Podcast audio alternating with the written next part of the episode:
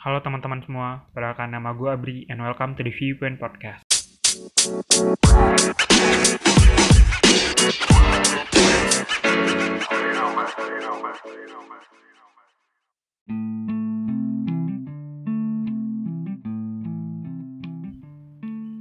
Setiap hari, setiap jam, setiap menit, bahkan setiap detiknya nih di hidup kita, kita dihadapin dengan berbagai macam banyak pilihan.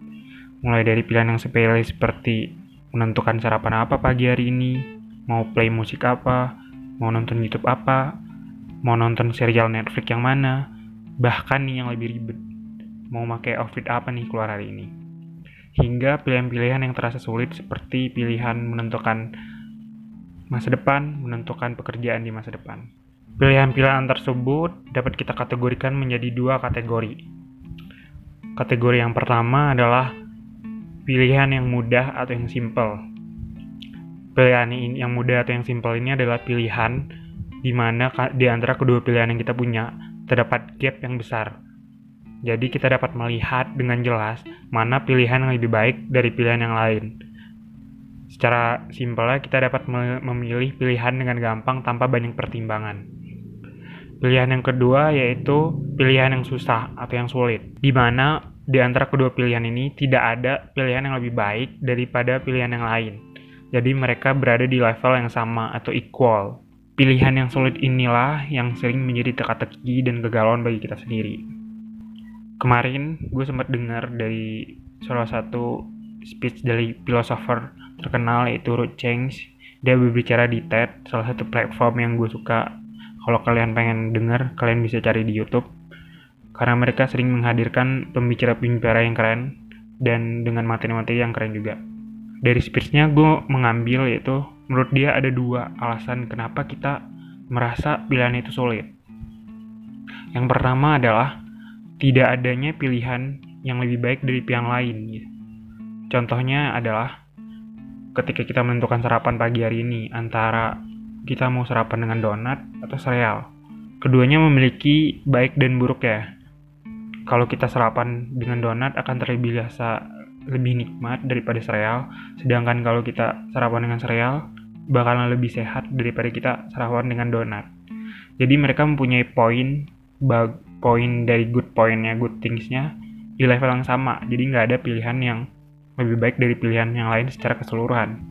Alasan kedua kata dia karena asumsi dan pengertian kita akan suatu pilihan dipengaruhi oleh asumsi society seperti contohnya kita berada di satu society nih society A menurut society A pekerjaan ini lebih baik dari pekerjaan itu sedangkan kata society B pekerjaan itu lebih baik dari pekerjaan ini. Jadi tidak ada nilai yang valid mengenai suatu pilihan.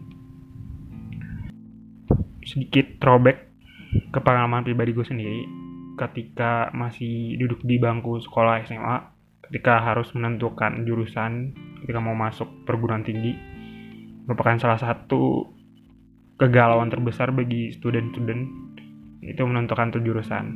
Di mana gue memiliki dua pilihan. Gue pengen masuk arsitektur atau gue pengen kerja sebagai polisi.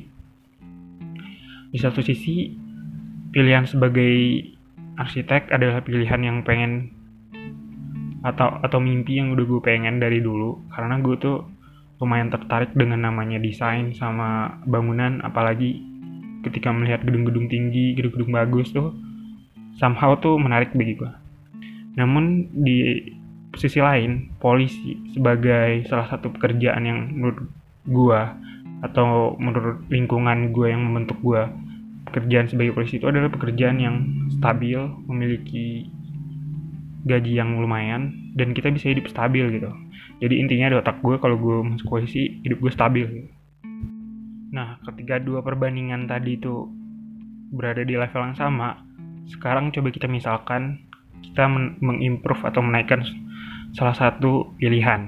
Di sini gue ngambil contohnya pilihan sebagai polisi. Gue menambahkan kalau jadi polisi itu gajinya misalnya lebih lebih besar dan lebih menguntungkan bagi gue.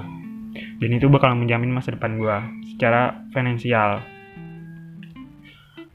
Namun pertanyaannya apakah ketika kita menaikkan atau mengimprove salah satu pilihan bakalan membuat pilihan yang lain itu tidak lebih baik daripada pilihan yang udah kita improve tadi jawabannya tidak kan karena sama-sama kita tahu kalau masalah finansial yang lebih baik dari suatu pekerjaan tidak membuat suatu pekerjaan yang lain itu terlihat lebih rendah. Kan banyak faktor yang mempengaruhi bukan hanya dari finansial nah dari pemisalan yang tadi kita dapat melihat ketika salah satu kita improve tidak menambah nilai apa pun kepada pilihan tersebut lalu muncul pertanyaan gimana caranya kita dapat menentukan mana pilihan terbaik dan mana yang harusnya kita pilih di antara dua pilihan yang susah tadi? Menurut Chengs, kenapa di ketika kita telah menaikkan atau mengimprove salah satu pilihan daripada pilihan yang lain tidak lantas menambah atau menjadikan pilihan yang lain lebih baik daripada yang lain kita harus menilik apakah ada yang salah dengan pilihan kita atau ada yang salah dengan cara kita membandingkan tersebut. Nah menurut dia secara garis besar nih kita berasumsi secara tidak sadar dalam membandingkan dua perbandingan, kita itu cenderung membandingkan dengan dengan cara ilmiah. Di mana kita tahu dalam cara ilmiah ada tiga perbandingan yang sering kita pelajari dalam matematika, seperti lebih kecil sama dengan atau yang lebih besar. Nah, hal-hal tiga perbandingan ini sebenarnya kata dia tidak bisa dipakai, tidak bisa diterapkan pada pilihan-pilihan yang bersifat dinamis seperti yang kita pilih sekarang ini karena banyak hal, banyak faktor yang tidak bisa diwakili dengan bilangan-bilangan real tersebut kalau kita memakai perbandingan ilmiah. Kata dia, cara terbaik dalam menentukan dua pilihan antara dua pilihan yang susah adalah kita harus kembali kepada value kita masing-masing.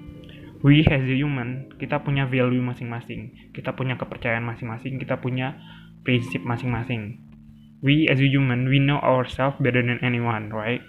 Nah karena itu kita tahu di antara dua pilihan itu mana yang lebih this is my thing this is what I'm gonna do. Kita tahu sebenarnya.